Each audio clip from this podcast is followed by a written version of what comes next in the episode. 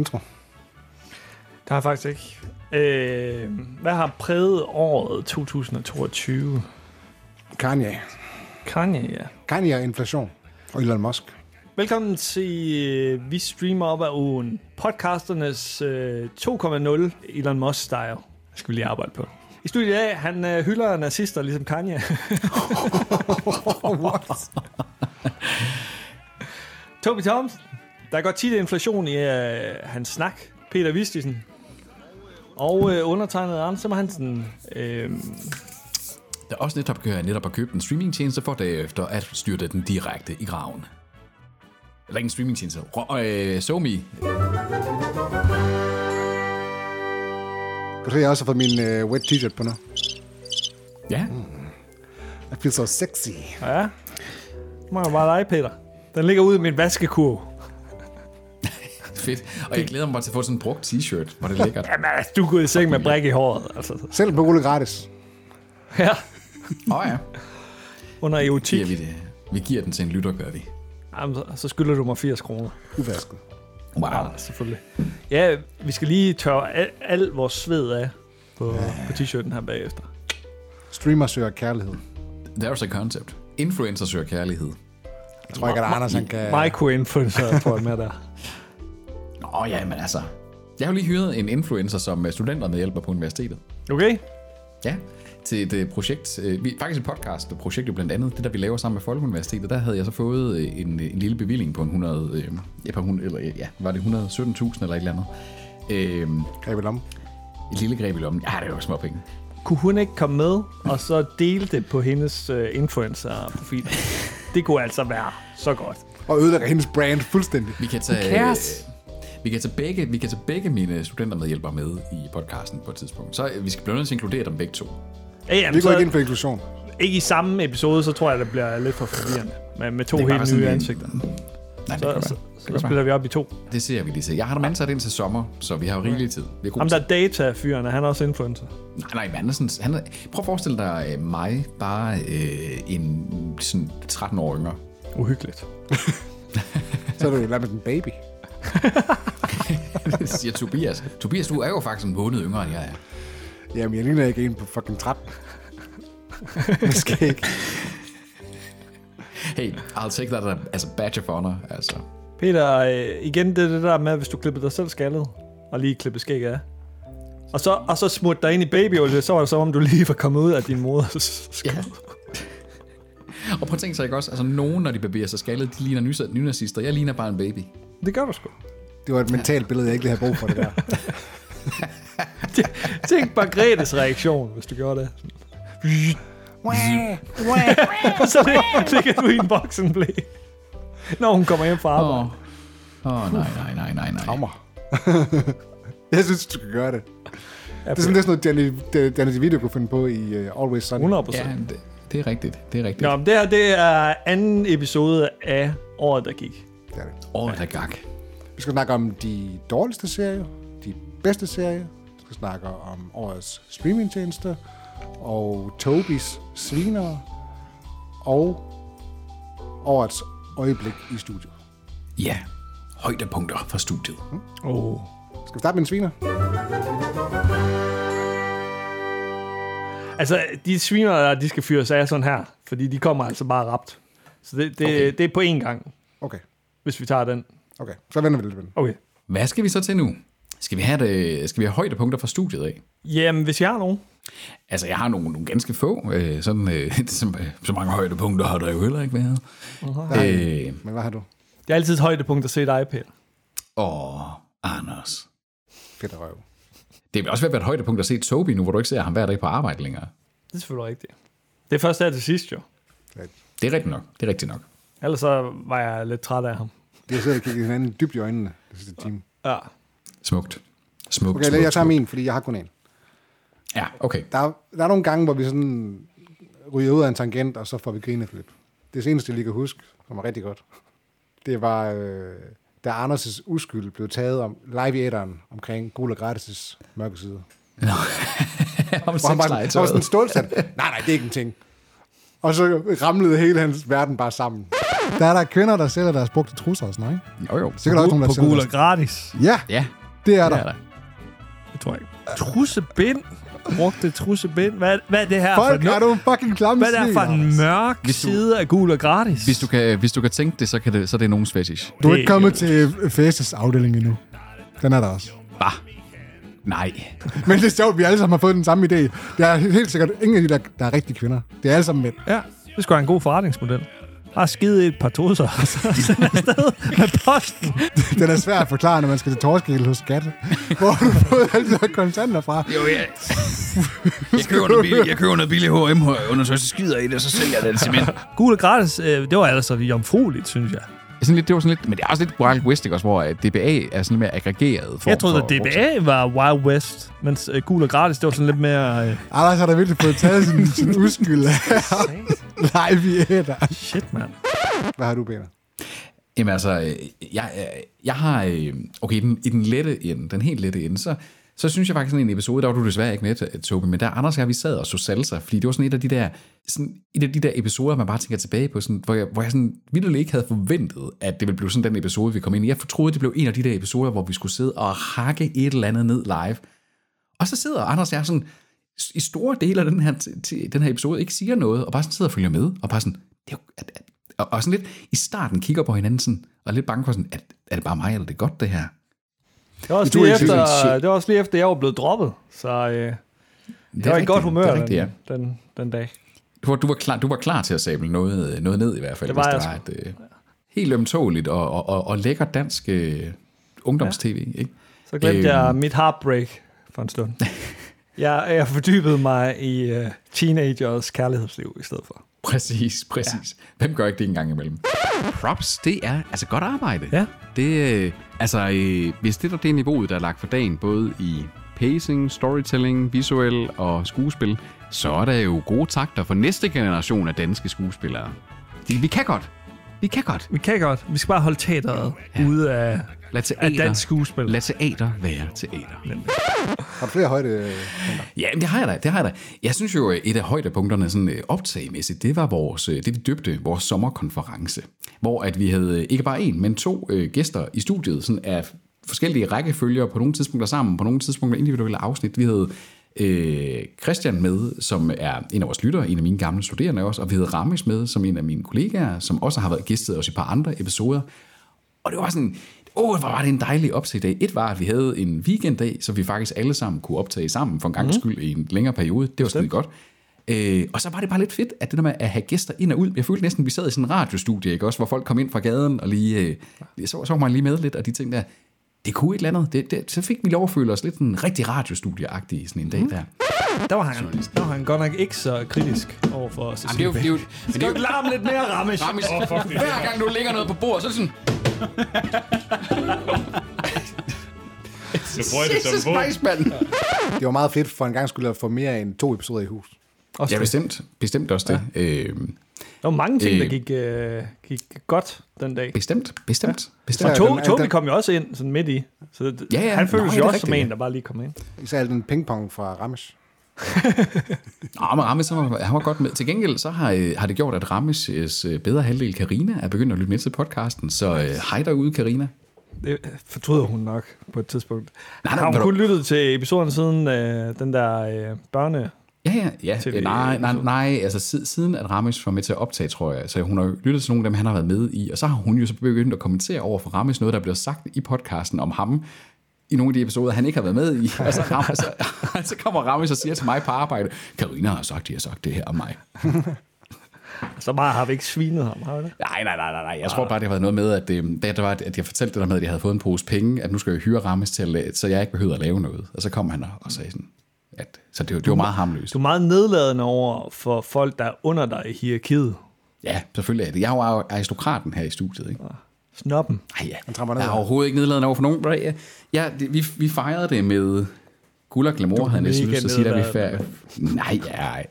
Nej, Nogle gange er du sgu. Kun, kun, for, kun for røvhuller. Folk, der Ja, er røvhuller. japanere. Undskyld, Peter. Hvad var du ved at sige? Det var på grund af World War II. Nej, øh, jamen sidste, sidste ting, det, det, det, det segwayer egentlig meget fra, øh, fra sommerkonferencen, fordi det har jo egentlig været et år, hvor vi har haft ret mange gæster øh, på besøg i studiet. Øh, vi har haft Rames med i en del episoder faktisk, også uden for sommerkonferencen. Øh, vi har haft Christian med.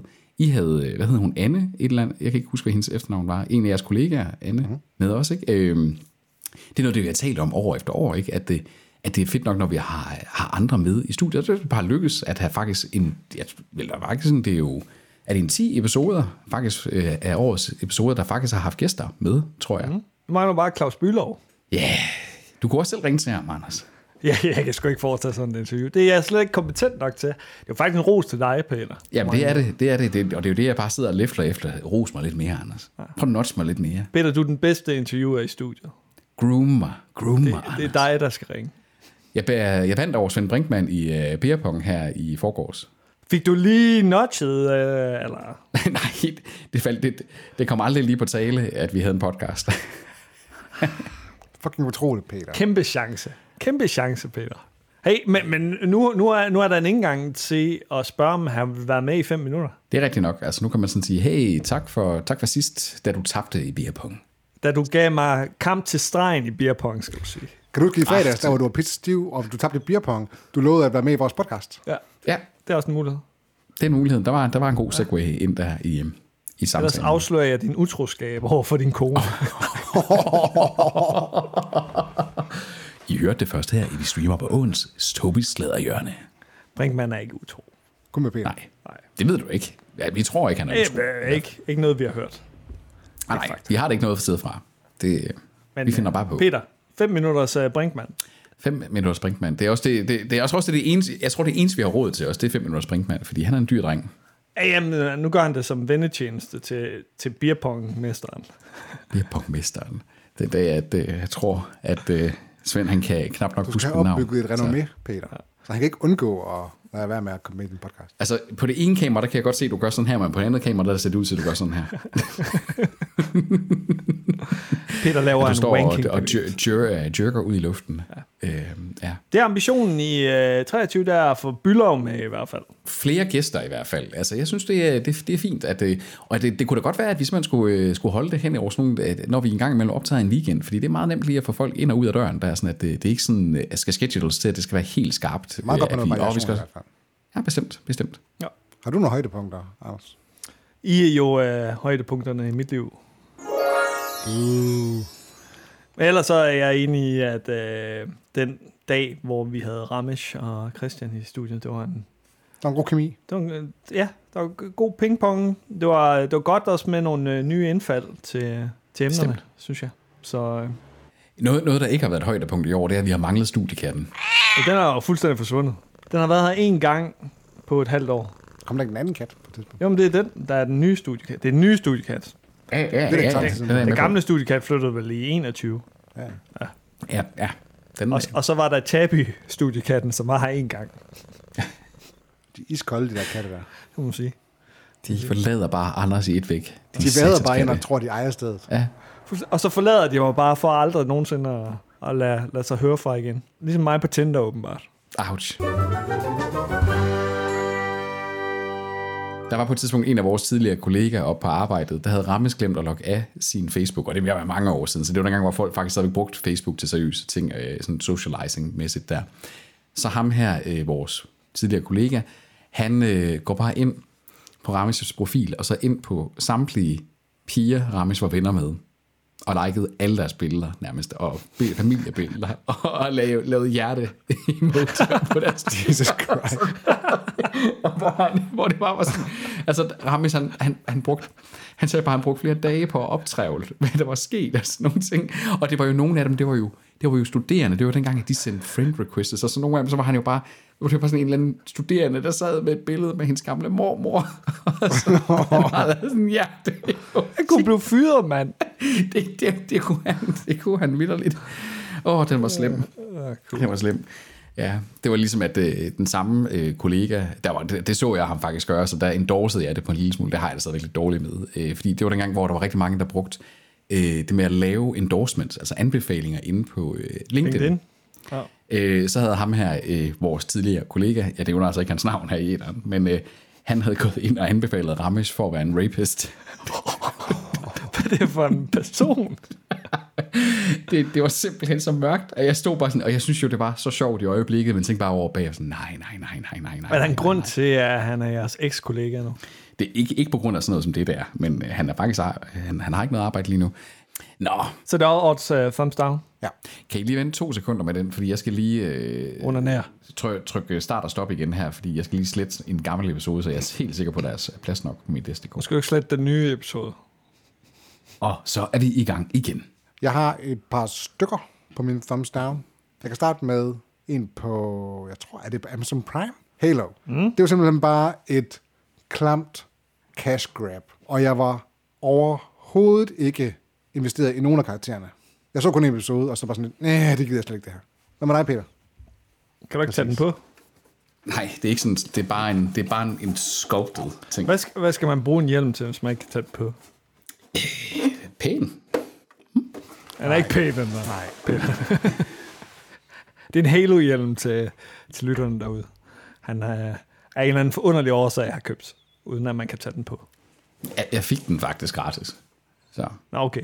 Så kan du sælge den. Den er jo en del af sådan en collector's edition af Halo 3, så fik jeg den der, og de blev solgt for flere, altså for, den blev også solgt for 600 kroner stykket faktisk lige nu. Altså jeg gav jo trods alt kun okay. okay. 400 for spil og hjelm i sin tid.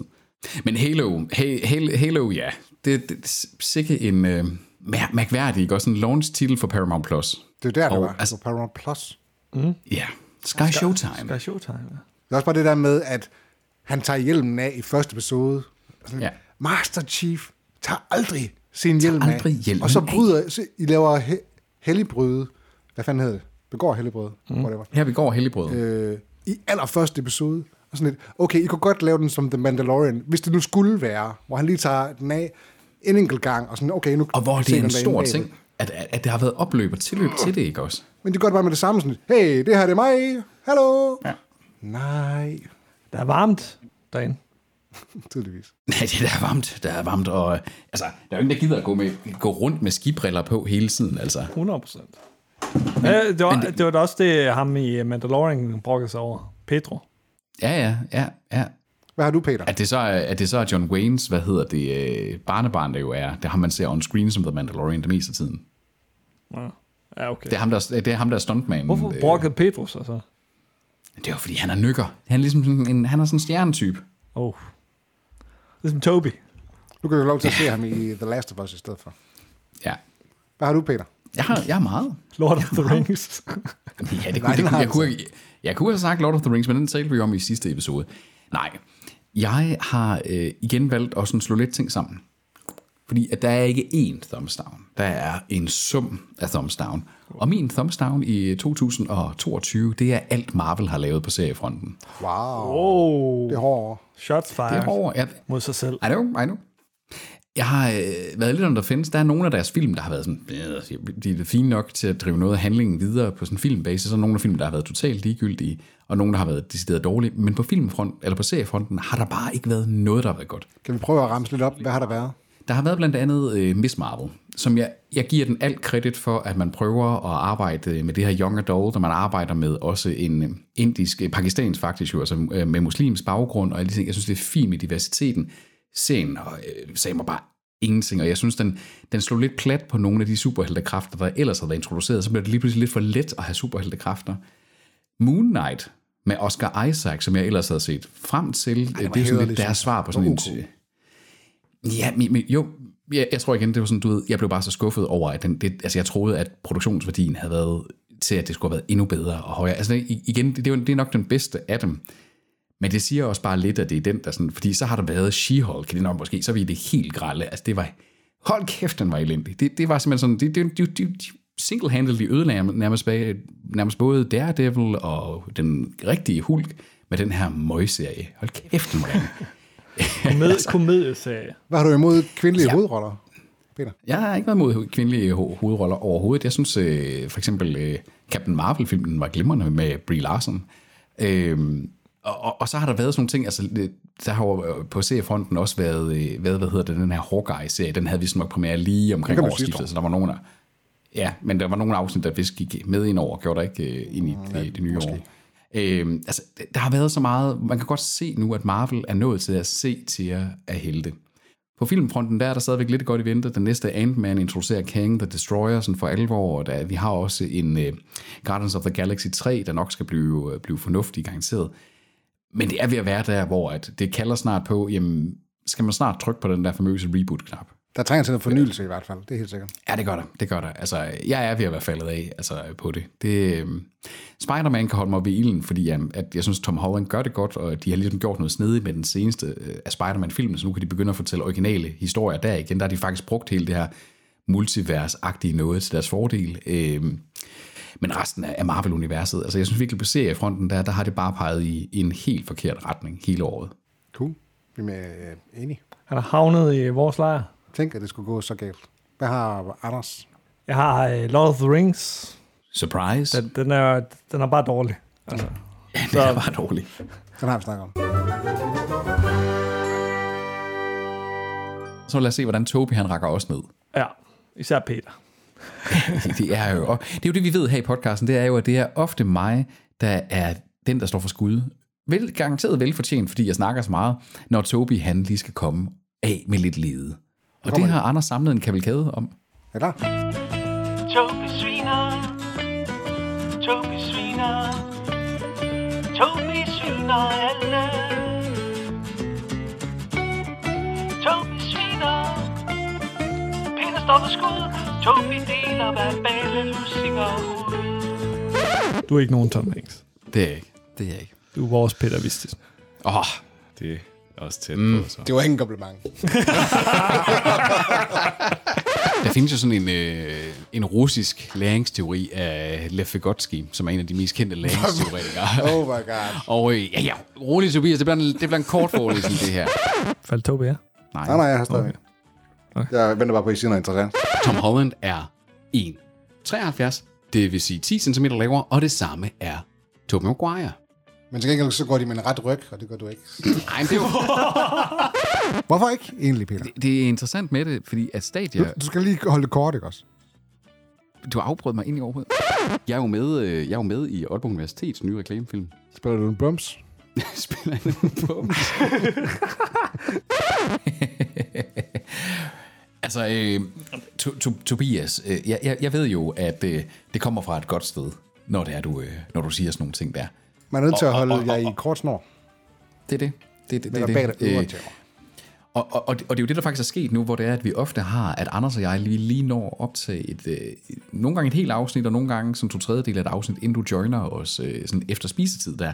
Det er jo, at Anders og jeg har sådan lidt et, et løsluppen, anekdotefyldt første halvdel af en episode, og så er der en uh, to the point, der bliver lige gået til stålet øh, anden halvdel ofte af en episode. Det er så fedt at vide, at man kommer midt i en optagelse, og så har I noget tre fucking nyheder.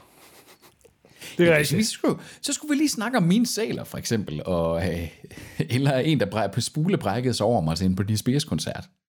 Altså, jeg, jeg vil sige, øh, den, øh, den, jeg synes, der var mest øh, kontant af, af, af dem her, det var nok, øh, hvad hedder det, øh, den nummer to. Prøv lige at afspille nummer to igen.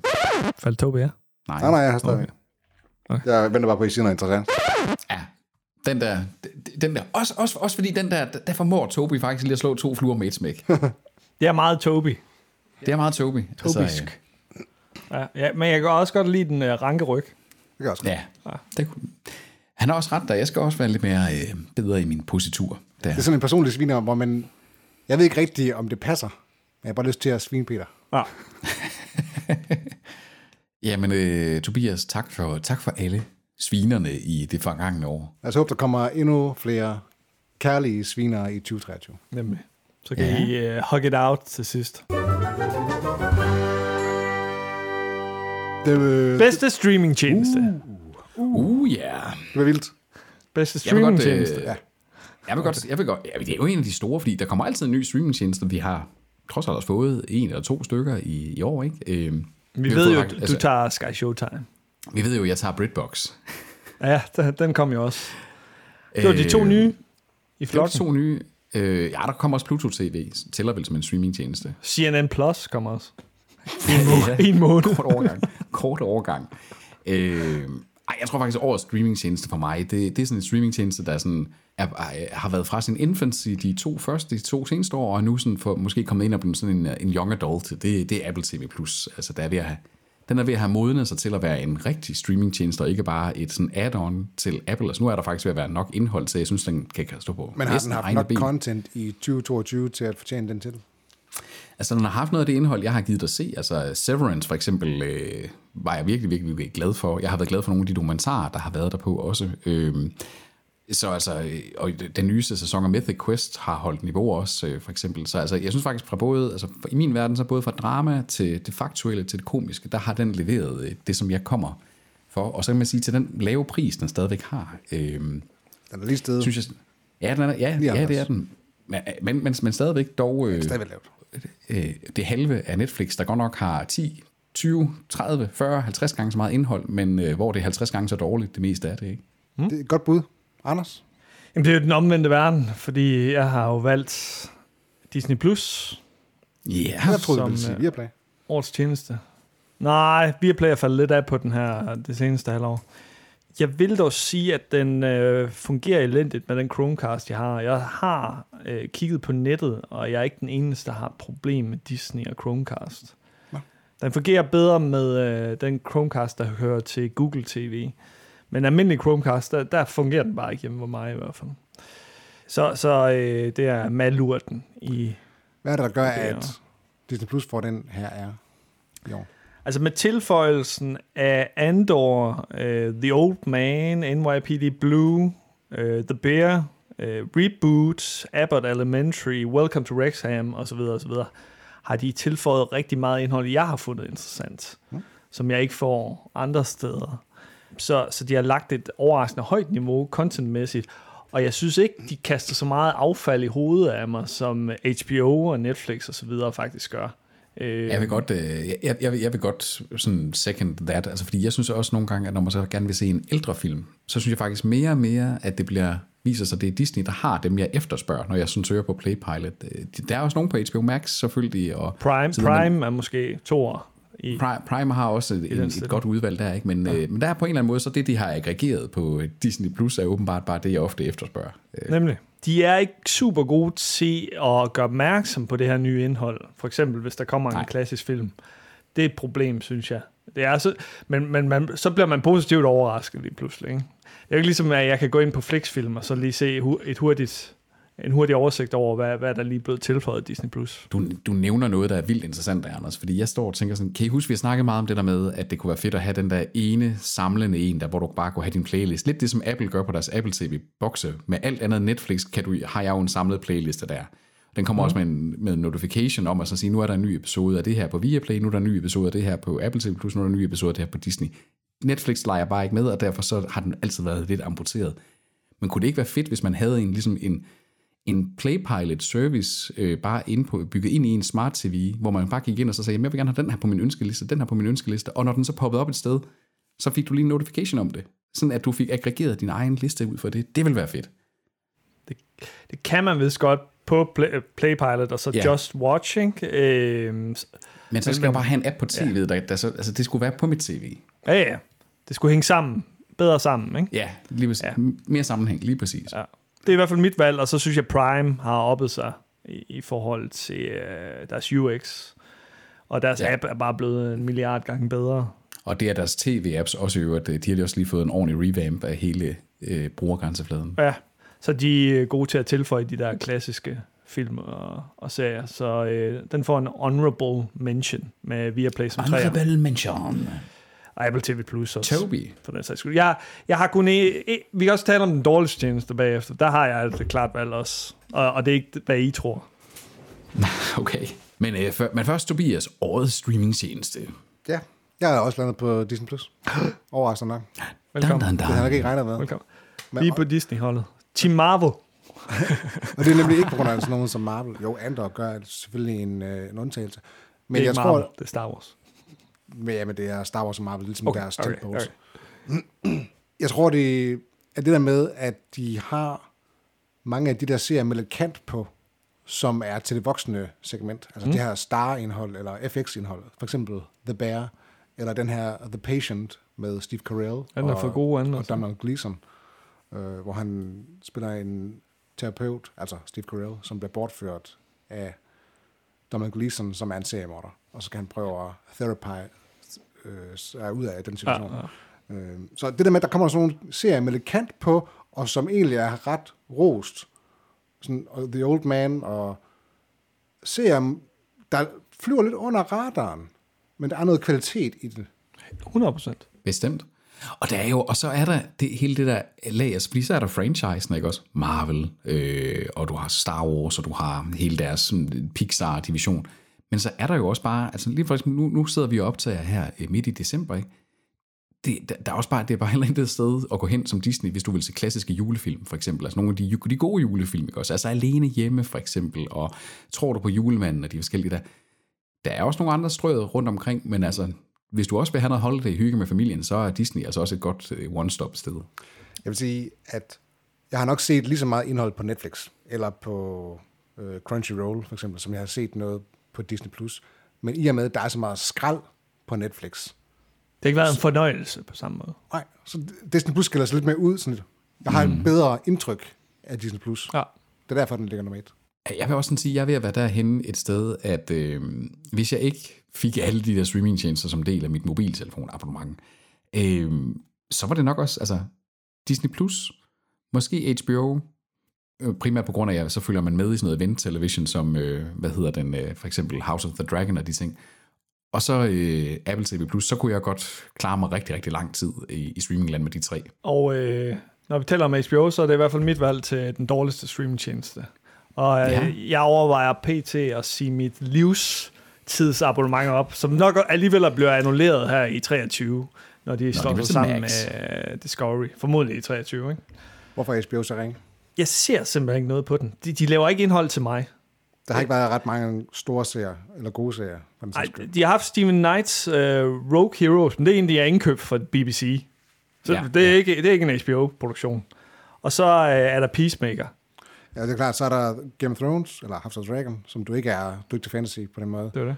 Og så er der White Lotus. Du kan ikke lide folk, der er røvhuller. Ja, Succession. Succession også. Okay. Så har jeg set lidt Friends. Jeg har set lidt The O.C., en af de der gamle 90'er Mhm. serier, ikke? Men det, det, det, det er bare ikke noget, jeg gider at beholde HBO for. Så øh, Men det er klart, når man sidder og vejer alle de her ting imod hinanden, og så overvejer rent faktisk at sige et livsabonnement op, som kun koster 40 kroner om måneden, så er det, så er det gået galt. 100 procent.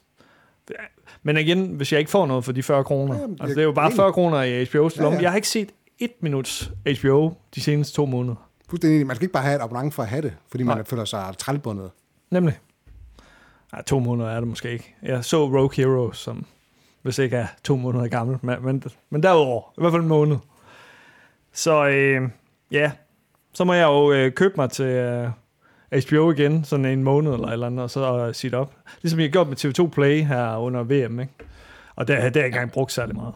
Nej, og man skal også huske på det, ikke også med, at, øh, at flere af de ting her, øh, hvis du sparer selv 40 kroner, 50 kroner for nogle af de andre streamingtjenester, 100 kroner plus, ikke? Altså, øh, så skal der ikke mange af de her besparelser på til, at hvis du bare har en af dem, hvor du har noget on demand, du kan se, hvor du faktisk føler, du, du altid har et eller andet at se, så hvis du har brug for at se et eller andet, Altså, nu for eksempel her, øh, den kontroversielle alletiders julemand, som vi gerne vil se, og jeg blev sådan i, i trods vælter købe på Blockbuster, fordi at TV2 ikke ville sende det alligevel på TV2 Play. Det kostede 90 kroner, og jeg var inde og se, der var faktisk rigtig, rigtig mange ældre serier, hvor du kunne købe alle sæsoner for 100 eller 200 kroner ind på Blockbuster TV, ikke også? Mm. Du skal jo ikke have mange besparelser af dine streamingabonnementer, før du bare kan sige, Nå, nu vil vi gerne se den her øh, fem sæsoner, og den her, det er nok øh, to måneders tv, ikke også? Du nærmest skulle have der af en, noget aftenunderholdning. Køber den sgu da bare så. Ja. Og nu skal jeg også siges, nu har jeg sagt mit job op, så det er ikke sådan, jeg har uendelige ressourcer. Så øh, lidt besparelser her, lidt besparelser der. Jo, jo. Det I rækker disse langt tider. i, I i disse lange tider. løb, ikke? Ja. Men det er faktisk en lidt en sjov ting, det her med, fordi vi har tidligere haft den der kontrovers omkring, er øh, on-demand køb og leje, er det streaming, og det er det jo selvfølgelig, fordi det er jo teknologien. Streaming, det er jo ikke en service, i- at det er bare flat rate streaming, man skal have en streamingtjeneste podcast om. Men for at pakke diskussionen ned, så kan man sige, kan man forestille sig, at al den her inflation, der også er i mængden af streamingtjenester, faktisk gør, at det der med at eje indhold begynder at blive en ting igen, bare digitalt? Jamen, problemet er så, ejer vi det så, hvis den Ja, tjeneste går ned? Det er rigtigt. Altså so, Sony havde jo gjort sådan blandt andet, at da de lukkede ned for en af dem der, hvor du kunne eje noget indhold hos dem, altså der, der, der lavede de jo sådan en transgression-periode, der hvor du bare du kunne overføre det til en eller anden tjeneste. Øh, nogen, Stadia, har- Stadia gjorde vel også med betalte de Stadia har, folk Stadia tilbage? har også gjort det. Jo, de har betalt folk tilbage også. Altså, så der er jo modeller for, og, der er, og det er jo, jeg har lige optaget i en uh, podcast, jeg laver med Folkeuniversitetet, der har jeg optaget en episode med en uh, forbrugsjurist, og altså de danske, den danske købelov er jo meget, meget, meget striks på det punkt der, at de skal refundere dig, hvis de lukker tjenesten i Danmark. Øh, som man kan sige, du er som forbruger i Danmark ret godt beskyttet, hvis du køber indhold digitalt.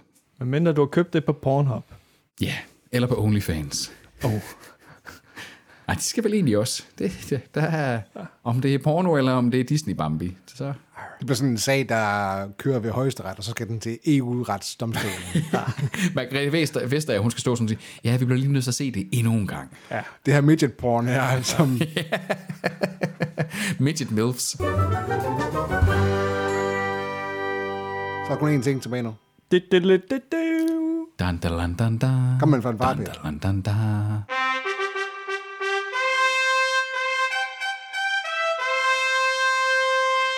Jamen, skal vi lægge ud til årets bedste serier? Årets serie. Vi har øh, alle sammen en bedste serie, og så har vi nogle bobler og noget. Det har vi sgu. Men lad mig bare sige det sådan, at jeg havde jo en af mine overraskelser, som jeg gemte til nu. Og jeg ved, at oh, det ja. formentlig er jeres bedste serie. Eller en af dem. Så skal vi, skal vi starte med den? Skal vi rive plasteret af? starter med den bedste. hvad, Vi kan også tage Altså, jeg, boblerne. tænkte- jeg, havde, jeg havde også mere tænkt, om man ikke burde tage boblerne. Altså, de Nu vil vi fleste starte med boblerne. derude- Kan I fucking bestemme jer for et format?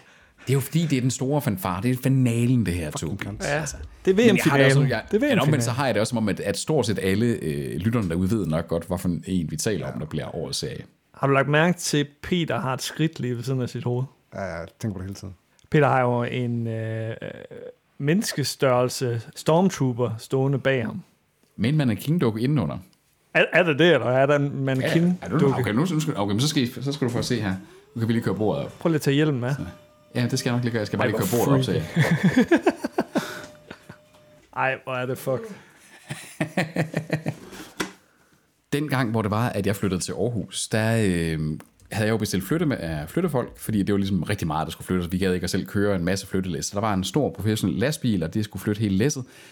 Og så står den her stormtrooper, de her to flyttefolk, de står bare og kigger på den, og sådan, sådan har fandme aldrig prøvet at flytte før. Øh, og så sådan, nej, men øh, åh, jeg vil bare så nødig skulle tage, tage, tage dragten af, fordi det tager pisse lang tid at få den på igen. Og så var de begge to sådan, øh, nå, men hvordan er forledes? Så står de lige og tjekker, hvor stabil den er. Nå, men, øh, hvis du kan proppe et eller andet over den, der beskytter den, så kan vi godt få den ind helt. Så tænker jeg sådan, fedt nok. Jeg tager et lag øh, og hænger hen over den, så man kun lige kan se benene dernede. Og så tager jeg hjelmen, fordi jeg tænker sådan, den skal ikke blive mas så meget af, men så ser man jo bare sådan silhuetten af det her hoved igennem lanet. Og så flytter de den ellers på sådan en lille trolleyvogn ned øh, ind i elevatoren og ud på vejen. Og da de kommer ud på vejen, der kommer en af mine naboer, som er en par og sådan slut 70-årig ældre kvinde, som er sådan lidt øh, sådan hende der, der, der, der vil klage, hvis en øh, hund øh, tissede i en, i en busk og i en vinter og sådan ting. Og hun skriger bare, da hun ser dem komme gående, fordi hun bare ser Skriger? de her to ben stikke ud, og så, sådan, og så fordi den er sådan strukket helt, så ligner det bare sådan ansigt, der sådan er strukket i det her lag, så det ligner bare sådan en ultimativ rigor mortis, de har trukket rundt med der. Så, øh, men han kom... Hvad? Peters anekdoter strikes again. Velkommen til, ja. Nu skal jeg lige have hugen på ham igen. Så må I jo lige... Jeg skal jo øh, selv have på hovedet, den der, Peter. Det er da alt for varmt. Ej, det, Nå. det er febervarm, febervarmhed. Nå, Bobler. Hvor mange bobler har vi? Bobler. Jeg har, jeg har Jeg har- fire bobler. Jeg har i lidt forskellige genrer. Ja, der Jeg har to bobler. har jeg egentlig også. Peter, Jamen altså, den, den første boble, det er, øh, det er over i, øh, på Netflix. Det er Stranger Things sæson 4. People say Hawkins is cursed. They're not way off.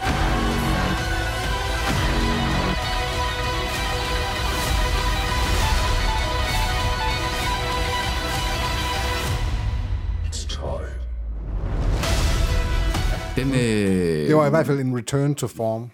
Bestemt. Bestemt. Og, altså, jeg, jeg, jeg, jeg netop Return to Form efter en lidt lunken, måske sæson 3, tror jeg mange har, har havde det sådan. Ligesom så her, der var det tilbage af alt det, der gjorde Stranger Things godt. Universet blev større, Og der er virkelig lagt et kærkeloven nu også til en, øh, en seriefinale øh, næste, næste sæson. Der. Altså, Det eneste minus var, at de ikke slog nok store karakterer ihjel. Ja, de er ikke modige nok, men altså, må det ikke, øh, lad os nu se, om det kommer øh, til, øh, til den næste sæson. Der. Øh, De får introduceret nogle nye karakterer, så er det lidt for billigt at, at slippe af kun med nogen, der man nærmest ikke engang har noget at, lære at kende. Øh, særligt når det er sådan en slags serie. Men den er stadigvæk sindssygt flot. Det er gode skuespillere. Den er fandme... Øh, den, den har alle de der 80'er vibes, der er på den rigtige måde. Der. Øh, jeg, var- jeg var glad, øh, da jeg så den. Begge halvdele. Den fungerer. Jeg byder ind med Rogue Heroes, som jeg nævnte før. af BBC-serien, som er Ja. på HBO. Der omhandler den her specialstyrke under 2. verdenskrig, SAS-styrke, hvor de blev sendt ind bag øh, fjendens linjer uden regler. Så de kunne bare gøre, hvad der passer dem. Der er blandt et par massakre, som vi ikke taler om, åbenbart. Er det et rent, rendyrket drama? Det er et krigs, krigsdrama. Okay. Altså, ja. der er en del action med og så videre. Så. Band of Brothers-ish. Ja, jeg vil sige, at den har Band of Brothers uh, vibes. Altså, der er ekstremt højt uh, produktionsniveau. Altså, det her, det er vanvittigt godt. De har, jeg har prøvet at slå, slå den her styrke op, øh, den her SAS-styrke op, og de følger egentlig meget godt historien til punkt og prikke. Også de her events, Ja. ja. der er der i.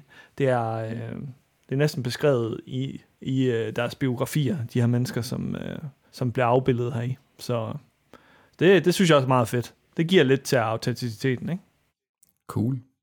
Selvom den er Hvor er det, man kan noget. streame den hen igen? HBO, Hvorfor er det så skørt noget? fordi de gør nogle sindssyge ting øh, i krigstid, ikke? hvor at, øh, det, det vidste jeg simpelthen ikke foregik under 2. verdenskrig, det her. Welcome to this new brigade, the SAS. Who are the SAS? You are the SAS, Special Air Service.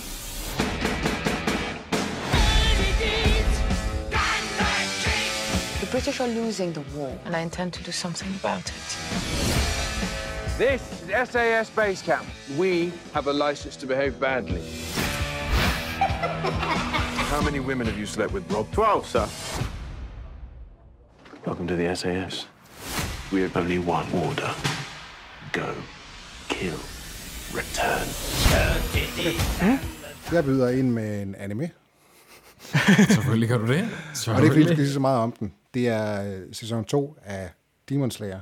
Og det jeg bare vil sige, det er, at det er et festfyrkeri inden for animation. Så det er, en, det er nok årets achievement inden for animation og lyddesign. Så sådan fra et teknisk standpunkt, så excellerer den i det, den gør. Det er en meget klassisk anime-historie. Og den, det kører den bare på skinner. Det, det er fint. Og det fungerer også rigtig godt. Men det er mere animationen og sådan det tekniske i det, som jeg synes er, fungerer rigtig godt. Jeg viser jer lige et øh, 30 sekunders klip her. Så kan I se noget af den animation, der er i sæson 2. Og det er på så højt et niveau i mange episoder af sæson 2. Har du der bobler, Peter? Jamen, det har jeg. Øh, så kan vi hoppe over i øh, dokumentarland. Den skal jeg nok lade med at nævne for, øh, for lang tid, fordi den kommer til at kede jer, men det er dokumentarserien Light and Magic, øh, som handler om Industrial Light and Magic. På Disney+. Der, øh, på Disney+, Plus, ja. Ligesom går igennem det, det, mest, altså det, nu snakker du øh, flotteste tekniske effekter der, ikke? Altså, uden dem, så var der meget af vores filmbranche, der havde set anderledes ud. Altså, de innoverede jo alt lige fra practical effects, stop motion til CGI og så videre der. Øhm, og den, den detailer simpelthen altså menneskene bag, så der er den der med igen, i stedet for at det bare bliver sådan noget teknisk nørderi, så fortæller den mere om de der happenstance af nogle originaler, som der ligesom nærmest from øh, sheer force of will, ikke også, fik nogle ting til at ske i en branche, der ellers på det tidspunkt var meget, meget konservativ. Hvor meget sætter den fokus på enkeltpersoner frem for sådan teknologiske advances? Jeg vil sige, at den, balance, den balancerer det øh, ret godt, men den har sådan meget fokus på personerne. Altså sådan, for eksempel sådan en som øh, øh, Null, som der, hvad hedder det, er en af dem, der, der er med til at næle, hvordan man får de her rumskibe i den første Star Wars-film til faktisk at føle som om, at de flyver hurtigt og flyver i sådan en dogfight-stil og sådan nogle ting. Der kommer man meget bag om og sådan, hvad er det egentlig, hvor kommer ideen egentlig fra? Og det, hvordan det ofte er sådan, de der personlige erfaringer og ting, som der egentlig, det der, altså, den, den forklarer meget godt den kreative proces et eller andet sted. af- Forklarer de også de der filmtricks? Ja, der Hvordan er også øh, gode, gode, gode øh, nærmest explainer-agtige forklaringer af, hvordan at tingene fungerer. Øh, så jeg synes, den har sådan en fin balancegang, og det er sådan en, jeg, jeg, jeg tror selv også lidt yngre vil godt kunne se den og forstå den også. Øh, Så på den måde synes jeg egentlig, det er en, det er en rigtig fin, noget som også Disney-produceret øh, dokumentar. Så den er, den er, den er helt klart en... Øh, altså, men den, den er selvfølgelig kun en contender til øh, årets, fordi, men altså dog, det, det, den er væsentligt bedre dokumentarmæssigt end for eksempel Prehistoric Planet på HBO øh, Max. Nej, eller på Apple TV+, Plus, øh, som jeg så med Rated Edinburgh. Der var interessant nok, men den havde bare slet ikke lige så meget... Øh, sådan, den var ikke lige så wholesome, som den her den er. Så hvis man skulle have en dokumentar i år, så ville det helt klart for mig være Light and Magic. Anders, hvad har du mere? Jeg har Minx igen på HBO. Den glemte jeg faktisk før. Det var den, med, hvor hun startede der pornoblad. Ja, erotisk magasin, vil jeg sige. Ikke? Hvor hun Ah, okay, laver, sofistikeret. En, en, en feminist har et samarbejde med en pornokonge, og så øh, skal de jo finde, finde vej til et kompromis i forhold til det her erotiske magasin. Er den fra i år? Det er sjovt, jeg har slet ikke øh, skrevet den på min liste, men jeg har nemlig også set den. Har du set den? Ja, jeg har set den. Det var meget underholdende. Ophelia Jeg øh, Lovey Bond og, og så øh, Jake Johnson. Ja, ham fra New Girl. Ja, De har en god pingpong. nemlig, han, han spiller altid den her slacker og det gør han også her i. Øh, til punkt og prikke, altså. Han kan spille den ene rolle, men han spiller den fandme godt. Det gør han sgu. Det er bare en fornøjelig serie. Hverken den her porno-ting, eller øh, den her øh, ærkefeminisme overtager. Så, så det finder den balance, jeg måske leder lidt efter, sådan i øh, narrativet, i, øh, i den virkelige diskurs. Den gør det på en meget wholesome måde, Mm? synes jeg. Helt sikkert. Man får en masse pikke i ansigtet også. Der er pikke en masse. Det er jo en HBO-serie. Ja, ja. Og det, det er jo fair nok. Ikke? Hvis du vil have et indblik i pornobranchen, så er det nødt til at være nogle pikkemænd. 100 procent. Jo, jo, og, og der er det jo godt, man har et HBO, der godt, altså stadigvæk den dag i dag, tør og må og kan vise. Det er sådan, så det ikke bliver så... Der går det tid, før vi ser det på Apple TV+. Plus. Ja, trods alt. Jeg er bare bange for fremtiden for en serie som Minx, eksempelvis, med, med Saslavs indtog i uh, HBO, øh, og så den her fusion, eller hvad fanden man skal kalde det, en sammenlægning med Discovery. Så øh, jeg giver den ikke ja. super mange chancer efterfølgende. Altså man kan sige, meget af det reality, der er på Discovery+, Plus, det handler vel også om at se noget hud, og man skal se de her singler på Love Island, eller whatever det er. Jeg tror bare ikke, den er et stort nok navn og, og skaffer nok seere, selvom den er blevet øh, fornyet med en anden sæson. Det er bare andre seere. Jeg fik desværre ret. Fornyelsen blev sløjfet, og øh, Minx får ikke flere sæsoner på HBO i hvert fald. Spændende. Jeg har en bobler mere, det er også animation. Ja. Øh, det er Attack on Titan Final Season del 2. Og det er heller ikke, fordi jeg vil sige så meget om den.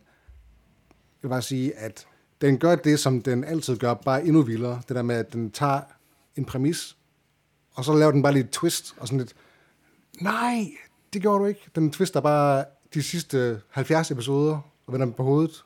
What the fuck? Det er sådan helt vanvittigt. Bøh, Du har fremhævet den før. Jeg fremhævede ja. den sidste år. Jeg tror, det var min bedste serie sidste år. Ja, Ja, det den er ikke tror den bedste Ja, det serie i det år, men den er stadigvæk, holder stadigvæk super højt niveau. Det er jo positivt. Og så kommer der en final season del 3. Og sådan lidt. Hold op med det final season hele tiden, hvis ikke skal fucking gøre den færdig. Det kommer vist næste år. Så det kan være, at jeg næste år også. Cool. Har du flere bobler, Peter? Ja, men det har jeg. Så kan jeg hoppe over i øh, sådan noget... Øh, Erotik. Cry, ja, i, i porn. Hvorfor, hvad var dit yndlingsporno i år? øhm, Two Girls, One Cup. Øhm, ej, det, det, der er vi på øh, Disney Plus igen, øh, og det, det var sådan i lidt komedie-crime-land. Øh, det var sæson 2 af Only Murders in the Building, okay. som jeg faktisk også havde overvejet, om jeg skulle have haft som en overraskelse, fordi at etteren havde jeg det sådan, den så Margrethe og jeg sammen, vi synes, det var, var meget hyggeligt, med. men det var meget med. Sæson 2 er bedre end sæson 1, øhm, og det havde jeg sådan tænkt sådan, okay, hvor meget kan de malke på det der, det er den der apartment building, men de formåede faktisk at, at få igen udvidet det her lidt skæve univers af skæve karakterer til, at også bikaraktererne fik lidt mere tid øh, i den her sæson, og det klædede faktisk øh, den ret fint. Og så, altså, Short øh, og, øh, hvad hedder han, øh, Martin. Martins karakter der er, det er bare herligt at se dem, fordi det er bare sådan, det er lidt som to gamle venner, ikke også, der også lige har fået lov at få en reunion i deres karrieres efterår. Steve Martin har jo også været ude og sige, at det her det bliver det sidste, han laver, så går han på pension. Jeg synes, det Øh, bliver lidt for meget en parodi på det, som de forsøger at være. Ja, men altså, jeg ved ikke, jeg, jeg, jeg, jeg tror tror for mig, den var enormt hyggelig, selvom det jo egentlig var en crime-serie, hvor der sker jo nærmest mor hver afsnit, og, og det, det ene og det andet der, men, øh, men jeg synes, sådan, den, den var enormt hyggelig. Der var sådan på en eller anden måde sådan en lille smule hen ad noget, som, som jeg kunne øh, have set la- blev lavet i start 0'erne, slut 90'erne også. Øh, sådan, så den, den kunne et eller andet for mig der. Så der er Det er, igen altså... øh, er det ikke Steve Martin, Martin Short-effekten? Ja, det er det nok, og det er nok sådan en memberberry ting der, men jeg synes ikke, de, de prayer helt på den, som man kunne øh, beskylde andre serier for. Altså, jeg synes, sådan, de introducerer dem sådan, som en, netop nogle gamle haspins, og de player lidt på, at de er haspins, men så ender de alligevel med at stjæle dit hjerte. How well do you know your neighbors? You see many of them every day, but have you ever wondered what goes on behind their doors? Are you associated with the deceased? No, no, we're neighbors in the building. Mm-hmm, so you don't know him? Just in passing. Not his passing. No, yes, when we passed by him. Before he passed. That's right. We find the right connection. And all this cracks open. I can't tell if I want it to be nothing or for it to be something. We began with the question, how well do you know your neighbors? Turns out the ones you thought you knew best might be the ones you know the least. Jeg kan slå de sidste to sammen. Øh, det var de to måneder, jeg var på Netflix. Der så jeg de her to serier.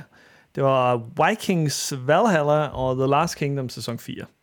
Det er begge to hi- historiske drama. Ja. Action-drama, kan man sige. Ikke?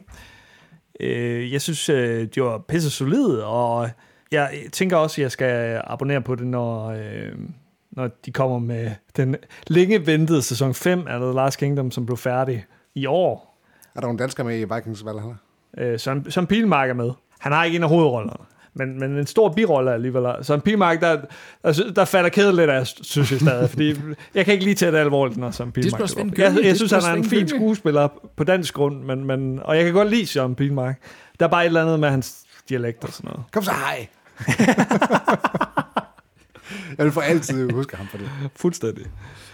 Altså, Karoline, er, er vi enige om, Karoline Henderson er der også med, ikke? Altså en af de tilbagevendende roller deri.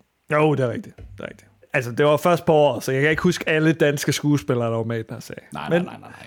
Jeg synes, det er fedt, at, at Valhalla, de fortsætter den her vibe fra, fra det originale Vikings, og jeg synes, den er, den er godt castet. Jeg har lidt et problem med de danske skuespillere, øhm, men, men det er også kun på grund af dialekten. Altså, det er fordi de danske skuespillere faktisk, at du forstår dialekten nok ja. anderledes end den gængse ser. 100 procent. Men, men ja. jeg, synes, jeg synes måske, de andre nordiske lande, øh, de skuespillere, der kommer derfra, de nailer den amerikanske dialekt lidt, lidt bedre, eller den der øh, med et nordisk klang. Did you just arrive from that storm? I did. And tell us your name. Leif. Leif Erikson. Where are you from? Greenland. I'm Harald Sigurdsson. Why are you in Kattegat? I've come to find someone. The entire north is threatened. By the English king. Then I want to see if this fight is mine. And what have you decided? Vikings are preparing for an invasion. What do you intend to do? Fight. Hvis du havde haft abonnement på Netflix den sidste måneds tid, så kunne du have slået tre serier sammen i den der kategori. Barbarians. Ja. Også solidt. Første sæson var rigtig god. Tysk serie. Har du set sæsonen? Ja. Nej. Så det er fordi, du ikke har abonnement på Netflix? Ja, ja. Men du har tænkt dig at se det? Jeg satte den, når øh, jeg abonnerer på, på Netflix i februar, tror jeg. Eller sådan. Jeg tror, det var dine år til sidste år, var det ikke det? Jo, ja, det var en af dem. Mm. Barbarians. Øh, virkelig solidt. Har du set øh, sæson 2? Nej, jeg har så mange andre ting på min watchlist, men jeg kommer nok til den på det tidspunkt. Men jeg håber, jeg håber at øh, Netflix blander sig udenom øh, den der Vikings-produktion, at den lige så stille kan, kan køre sit eget løb, og så leve op til, til forgængeren også. Øh, den er ikke helt op at ringe, men, men den er på vej, tror jeg. Den har potentiale. Så. Det er jo også ligesom altså, en, en ny serie, ikke også? Ofte skal den også lige etablere sine karakterer, sine konflikter og alle de ting der. Ja, det glæder jeg mig til. Så kommer vi til min årets serie. Jeg har en boble mere, dog. Skal vi lige lade ham tage boblen? Tag du boblen. At det, og det var faktisk fordi, at øh, det er nok en segway over til den, der bliver Anders og mins års øh, serie, fordi der er vi faktisk i Star Wars land. Øhm, og det er, at, hvad hedder det, øh, den her animationsserie, der hedder Tales of the Jedi. Har nogen af jer set den? Nej. Nej. Det er, en, det er en antologiserie, så hvert afsnit er sin egen lille fortælling. Den er, der er noget, der er sort of ongoing, for nogle af karaktererne går igen.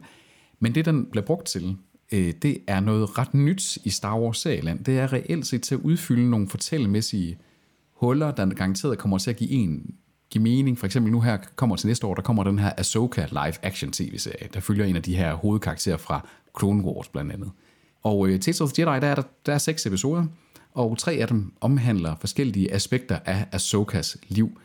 Fra da hun faktisk bliver født, og da hun bliver opdaget, at hun har, er, er, har force sensitivity, til nogle scener, der, der lige pludselig placerer hende midt i dramaet under, hvad hedder det, der hvor at Padme, øh, Anakins, øh, Luke Skywalkers mor sådan set, dør, og hun er med til hendes begravelse. Og der er sådan en masse sådan nogle små, det er en af små 20 minutters afsnit. Der er også nogle afsnit, der følger øh, ham her, Count Dooku, som både er en, øh, en skurk i episode 2 og 3 af filmen, men også i The Clone Wars. Du flæscher hans øh, liv øh, ud, og faktisk finder ud af, at han, hvorfor at han egentlig vender sig mod Jedi'sene. Han er ikke en ond Sith, der er faktisk mange flere nuancer til hans karakter. Du får masser af sympati for ham som karakter lige pludselig. Og jeg synes, det er ret spændende, som sådan et lille eksperiment, man de tydeligvis har lavet igen. Seks afsnit af 20 minutter, det er ikke særlig meget. Men er det, det her forskellige format, studios, der har animeret? Nej, det er det ikke. Det er Dave Filoni, altså mere, ham, som har lavet Clone Wars, øh, okay. der også, som er øh, også ham, som der også er showrunner på The Mandalorian, og på, kommer på Ahsoka, øh, der er showrunner på det. Så det er tydeligvis noget, de laver potentielt også for, at der kommer mere af det her til efterhånden, som der kommer mere og mere live-action Star Wars, så kan de bruge det her.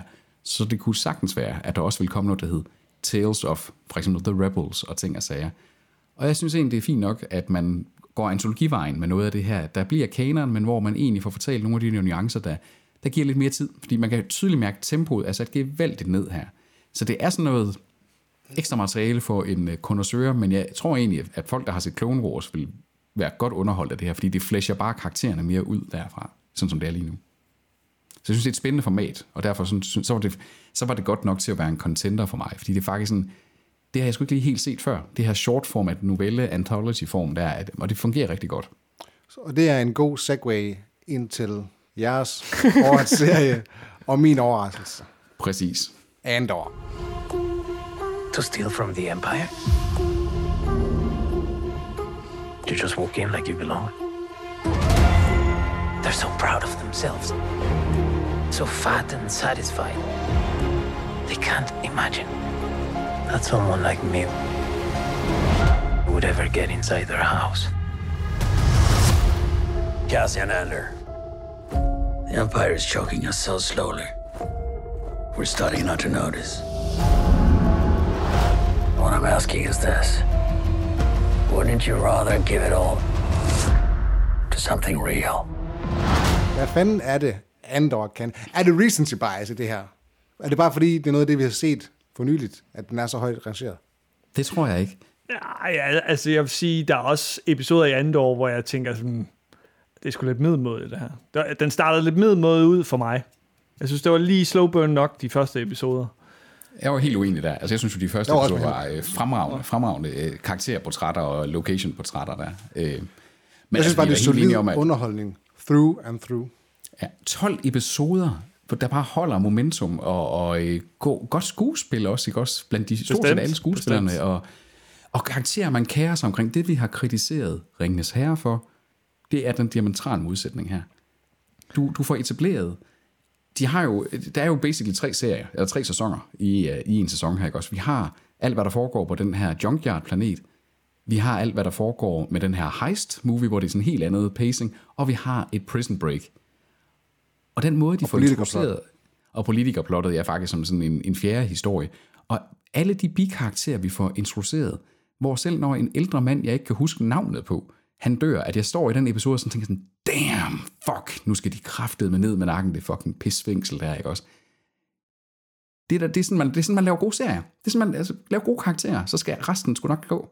Det er også det, jeg hæfter med, med at alle scener, alle skuespillere, alle, alle sideplots, de fungerer, og jeg er investeret i dem. Både Mon Mothma og Luthien, eller altså Stellan Skarsgård. Luthen Riley, ja. Og han er ja. utrolig interessant karakter, det der med, at han er så moralsk grå, at han, han kæmper for den gode ja. side, men han laver sæt med også nogle svinske Han er ting. kynisk. Han er virkelig kynisk. Den, mono, den, den monolog, han leverer i den episode ja, der, altså, den er chills. Den er helt chills. vild. Der kommer altså. Andy Serkis også med en god monolog, samme episode. Ja, for helvede. Altså, Andy Serkis, der kommer ind i den der Prison Break, han er kun med i tre episoder af, af serien, ikke også? Men det er jo et usletteligt indtryk, han gør på en. Bare der, hvor han, jeg har aldrig været så, øh, så så modig over at finde ud af, at en person ikke kan svømme.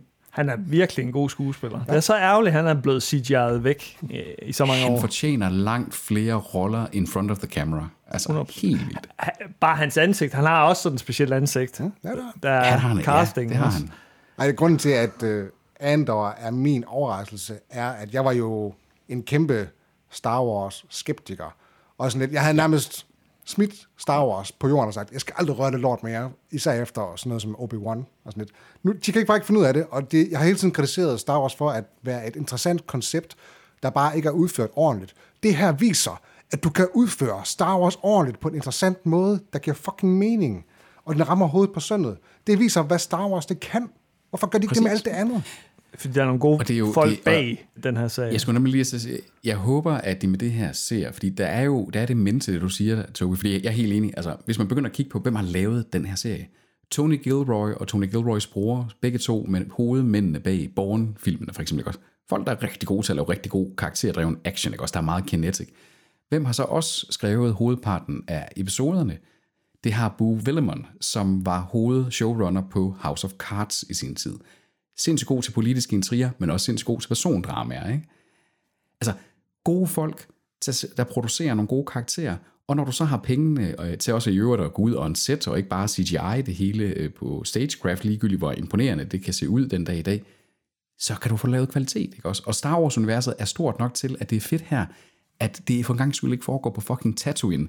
Det foregår på en anden planet, hvor man ser, at de har kulturer, der er anderledes. Bare lige det her med, at de har den der advarselskultur nede på Scrapyard-planeten, så er de banker og sådan nogle ting. Man ser et begravelsesoptog, sådan helt, sin helt egne, ja, øh, sin helt egne, hvad hedder det, kultur på de her forskellige planeter. Det er så fedt, fordi det er det, Star Wars kan. Det er en galakse langt, langt borte. Der er uendelige muligheder, at der kan foregå. Det var det, der gjorde Clone Wars fedt også jo. At du så alt muligt af Star Wars.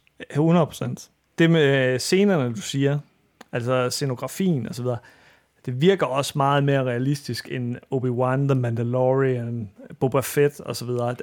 Jeg er slet ikke indlevet i de verdener, Nej. som jeg er i Andor. Det virker som verdener, hvor jeg rent faktisk lever og bor i. Ja, Ja. 100%. Og det er jo det, som, øh, og det er jo det, det gamle Star Wars også kunne, ikke? Den der lift inden fornemmelse, ikke? At det her, det er rigtige steder, rigtige mennesker. Nemlig. Man kan selvfølgelig også sådan sige, at det der stagecraft, det er godt, fordi det kan også sænke produktionsbudgettet, og det kunne gøre, at det kunne producere under, under corona, men jeg håber gevaldigt, at de lærer noget af, at de skal altså virkelig heller ikke negligere det at bygge et rigtigt sæt.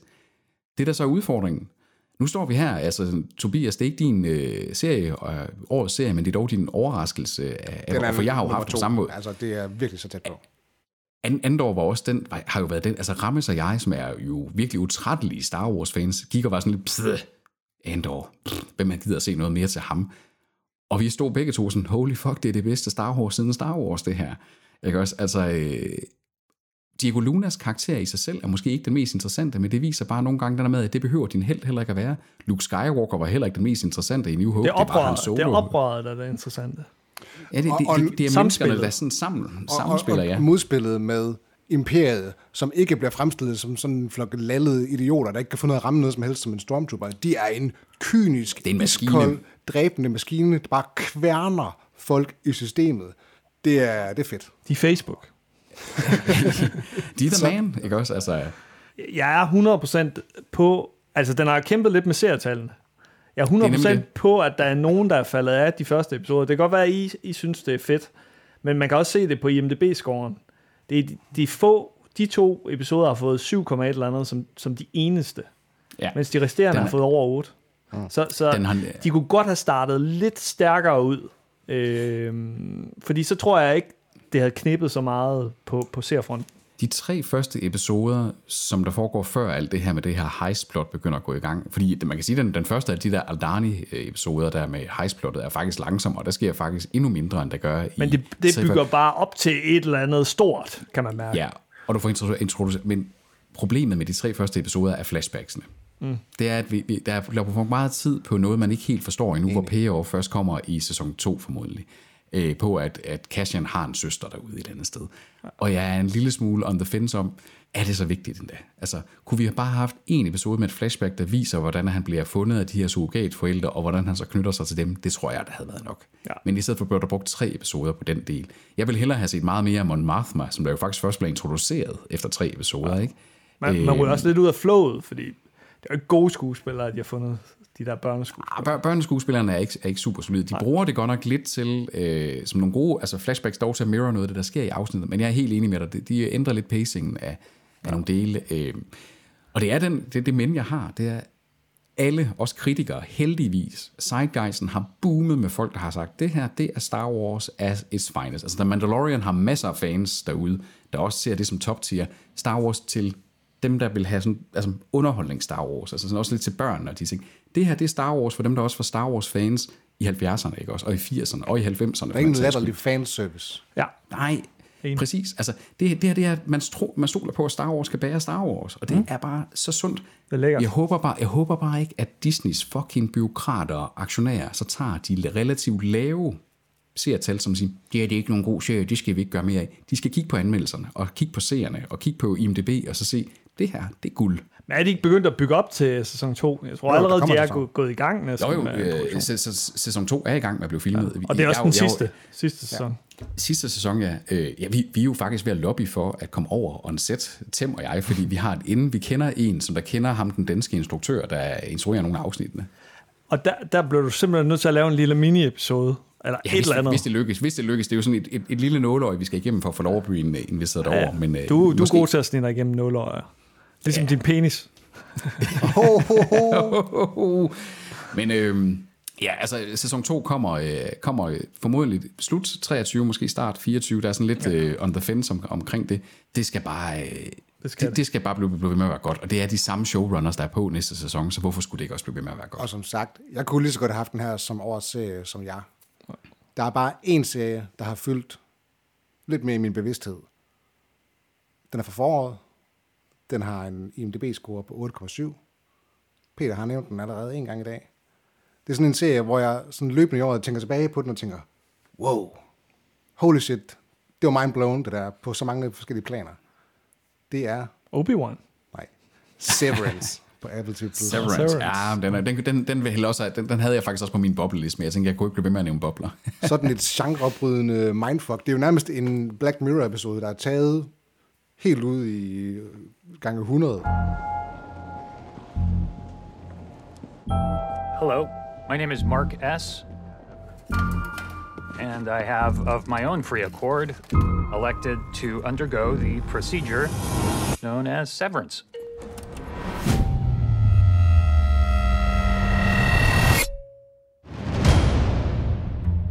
I give consent to sever my memories between my work life and my personal life. I acknowledge that once the procedure is complete, I will be unable to access my personal memories whilst on the severed floor. Say gratitude. Nor will I retain work memories. Hey! Sorry, when I return home at the end of the day. I make these statements freely. Vi, er, vi, vi, har, vi har faktisk ikke set uh, sidste episode af den endnu, Tobi, så du må ikke spoil for meget her i etteren. What? Har du ikke set sidste episode? Det er, Det er, den bedste. ser, det er fordi, vi ser den sammen med en, øh, en venneflok, så vi ser den et, en episode om ugen. What? Det, det, det er en finale, det er nok årets finale, så det kan du Oh, godt prøve. jamen altså, det er okay, så, også Jeg meget vil ikke spoil for meget om den, men jeg vil bare sige, at det foregår jo i den her ubestemmelige tidsperiode, fordi det interiøret i den her kontorbygning, de arbejder i, det er sådan meget 70'er æstetik, og udenfor er det sådan lidt nutidsagtigt, måske. Og det foregår ved, at lad os forestille os, at Anders, han får spaltet sin bevidsthed, sådan så at når du går ind ad døren på dit arbejde, så kan du ikke huske, hvad der foregår inde på arbejdet. Det være rart. Og når du så går ud af døren igen, så er det, så, så er det det næste, du husker. Så du går ind ad døren til arbejdet, og så det næste, du husker, det er, at du går ud igen. Så du er aldrig på arbejde. Så man møder ikke sine kollegaer. Men på den anden side, så er der en version af dig, som kun er på arbejde. Som er fanget Som i purgatory. Er fanget på arbejde. Yes. Så det vil sige, du går, du går på arbejde, så går du hjem, men lige når du går ud af døren til at gå hjem, så går du ind på arbejde igen. Og det er jo derfor, folk de er så tiltrukket af det her koncept, og gør det i serien. Sådan med, åh, du skal aldrig nogensinde arbejde mere. Ja, fedt, fedt, fedt. Men de glemmer bare lige, at øh, der er en version af dig, som skal arbejde hele tiden. Præcis. Og det er jo det, der, hvor folk de bare går op i limningen. Og, den er i den der, og den eksisterer i det her kafkaske-agtige med, at du ved faktisk heller ikke helt, hvad du laver, og hvad det egentlig er, du er sådan, hele den der cirkeldel der af, og sådan måde, de initierer nye, øh, nye kontorer, fælder og den slags ting der, det er så original sci-fi drama, at det er, det, altså, som du har, du har ret i, altså, det, man har taget sådan et, et rigtig god episode af Black Mirror, og så bare stretchet den ud. Øh, Og det her, det er, en, det er et eksempel på en mystery box, der er en god mystery box. Det er ikke en mystery box for at pakke noget ting ind i noget mystery box, og så sige, åh, der var et twist her, ligesom Westworld måske vil gøre det. Altså man kan se, at de har haft et formål med det allerede tidligt i processen, og ja. de ved, hvor de er på vej hen af. Mm.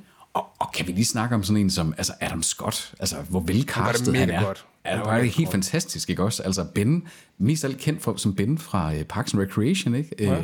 Øh, Han har, også været med, han har haft en dramatisk rolle i Big Little Lies, så det er ikke hans første... Ej, det, det er rigtigt, det er rigtigt. Den har jeg så ikke set, men... Øh, generelt hele castet gør det rigtig godt. Vi Mm. har øh, John Turturro som den her meget loyale medarbejder, som måske ikke er så lojal i hans udenfor self. Patricia Arquette som den her onde chef, og ham her, den, den sorte mellemleder, som virkelig er mega skræmmende på sådan en meget banal måde. Ja, hvor han ja. sådan siger, du skal gøre det her, det synes jeg, det synes jeg er en rigtig god idé. Og man bare kan bare se på ham, at hvis ikke du gør, hvad han siger, så går det bare galt for dig. Okay. Og den, den, er, den, er, den er virkelig også, altså, den er plastret til af gode karakterer, som øh, Anders vil sige har interessante an- ansigter, men så er den altså også sådan, hvis man nørder lidt sci-fi, ikke også? Altså, den er fyldt med så mange lækre detaljer. Alle tastaturer inde på kontoret har det lille fravær af en meget, meget øh, vigtig test. Der er ikke nogen escape-test. altså, sådan nogle- du ved, når der bare er sådan kælet på sådan nogle detaljer, der var det bare lækkert. Hvor er det bare lækkert. Og så kommer der bare løbende i løbet af sæsonen. Den starter måske lidt langsomt ud, men, Jo, jo. Og, det, og det gør den. Men der kommer også nogle twists løbende, hvor du tænker, wow, okay, nu skete den lige, nu du tog det lige en drejning, fordi dem her, der er fanget inde i det her kontormiljø, der sker jo nogle ting og sager derinde, som gør, at de skal kæmpe sig ud, kan man godt sige, eller i hvert fald forsøge på at ændre deres situation på en eller anden måde, og der er der sådan nogen, der er mere villige til at indgå i end andre, fordi de er sådan lidt, åh, vi skal ikke gå op mod Det systemet. er lidt Westworld-agtigt. Det er den, men det er en vellykket ja. Westworld, okay. vil jeg sige. Den er, den, ham, den ham, der står bag Dan Erickson, han har jo ikke rigtig lavet andet, har han det? Ham kan ikke. Ja. Nej, nej. nej. Han er, han er fuldstændig grøn. Ligesom uh, Lord of the Rings-skaberne. Ham her, han gør det så bare en Og smule jeg, jeg, bedre. jeg, tror, jeg, jeg tror ham, og, ham og Ben Stiller må have haft noget af et parløb, fordi altså alt, hvad man kan sådan finde af presseture, så tænker jeg, så sidder de to sammen og, og snakker om serien, øh, når man googler rundt her øh, om dem. Det kan jo det være sådan- en succesfuld pitch, eller et eller andet. Han Ja, bestemt. har pitchet til Øh, de rigtige. Men jeg vil sige, at den er måske ikke for alle. Det, det kan godt være, at det er en lidt en acquired taste, og man skal lidt have lyst til at se noget, som er en anelse slow burn, og som er lidt en mystery box. Og sådan, den er lidt unik på den måde, hvor at Andor er, på, er sådan, den er sådan popcorn-agtig. Du kan let tilgængelig. Du kan bare binge den, og så kører det bare ud af. Den her Andor, er lidt mere Andor- finurlig, men hvis du er til sådan et mindfuck, øh, Ja. ja. så, så er det den her, der er årets serie. Så man skal, give, Den- man skal give dem begge to chancen. Ja. Helt, helt, helt For jeg, jeg synes også, at Øh, Andor er lidt slow burn i starten. And, and, andet år, den skal man, øh, hvis, hvis man tænker sådan, jeg kan godt lide action og fantasy og eventyr og den slags ting, så skal man give den chancen for den her slow burn i starten. Jeg tror Severance, der skal man lige omvendt, sådan sige, hvis du godt kan lide sådan noget mystery box eller Lost, mm, og, og, sådan, og ser måske første afsnit og siger, okay, det er lidt, lidt, lidt langsomt og lidt, sådan, ah, lidt for mystisk, lidt ligesom et afsnit af Black Mirror. Bare roligt, der skal nok komme mere Lost-ish vibes over den, også undervejs der. Og fuldstændig vanvittig sæsonfinale. Det er helt absurd, du ikke har set den endnu. Ej, men øh, jeg skal nok, jeg skal nok. Næ- Næste gang vi snakker sammen, så har vi jo set den. Det, det når vi. Så det er to rigtig, det er to rigtig gode bud. Altså virkelig, virkelig gode bud, vi har der. Det, øh, det kan vi godt være bekendt og øh, sige er, er, er årets skuff. Åh, skuff. Og skuffer. årets skuffer. Der tror jeg, det er måske lidt Rogue det er der Heroes. Ja, altså, det, øh, det kan 100% anbefales. Og så ud over alle boblerne, så vil jeg også bare sige, at der har jo også været generelt gode øh, sæsoner af andre serier. Også, vi har haft en serieafslutning på Better Call Saul, vi har haft en serieafslutning på Killing Eve, vi har haft en, synes jeg, Return to Form, sæson 3 af Barry for eksempel også. Øh, så altså, der, Altså, der er Better Call Saul nok sæson 6, som er den sidste sæson, er jo også på min top 10. Og jeg synes, det var rigtig godt, men der var bare ting, der var bedre. Ja, men præcis. Altså, jeg havde det på samme måde. Altså, super solid afslutning på en super solid ja. serie, men der har bare været altså, nogle, nogle ting, hvor, hvor det bare sådan, næsten var lige ved at springe skalaen i år. Øh, Stærkt tv-år. det må man sige, men hold da kæft for et soccer-filmår, som vi talte om ja. I den første halvdel af vores øh, End of the Years her. Vi udfaser film af vores podcast. Eller også, hvad nu hvis de lige pludselig får en resurgence? Altså, det har også været svært her post-corona Det kan være. med filmene. Cool. Det var øh, året Det var an- 2022. Et grimt anden år på, på mange måder, men ikke på tv-fronten. Ej, nej, budget. hold da op. Jeg synes, det var nogle, nogle gode, gode eksempler, vi er kommet frem med her. I begge, begge halvdele, sådan set. Tak, tak for i år, drenge. Tak for i år. I lige måde. Vi tager sgu et år mere, ikke? Det gør vi sgu. Vi høres på åen derude.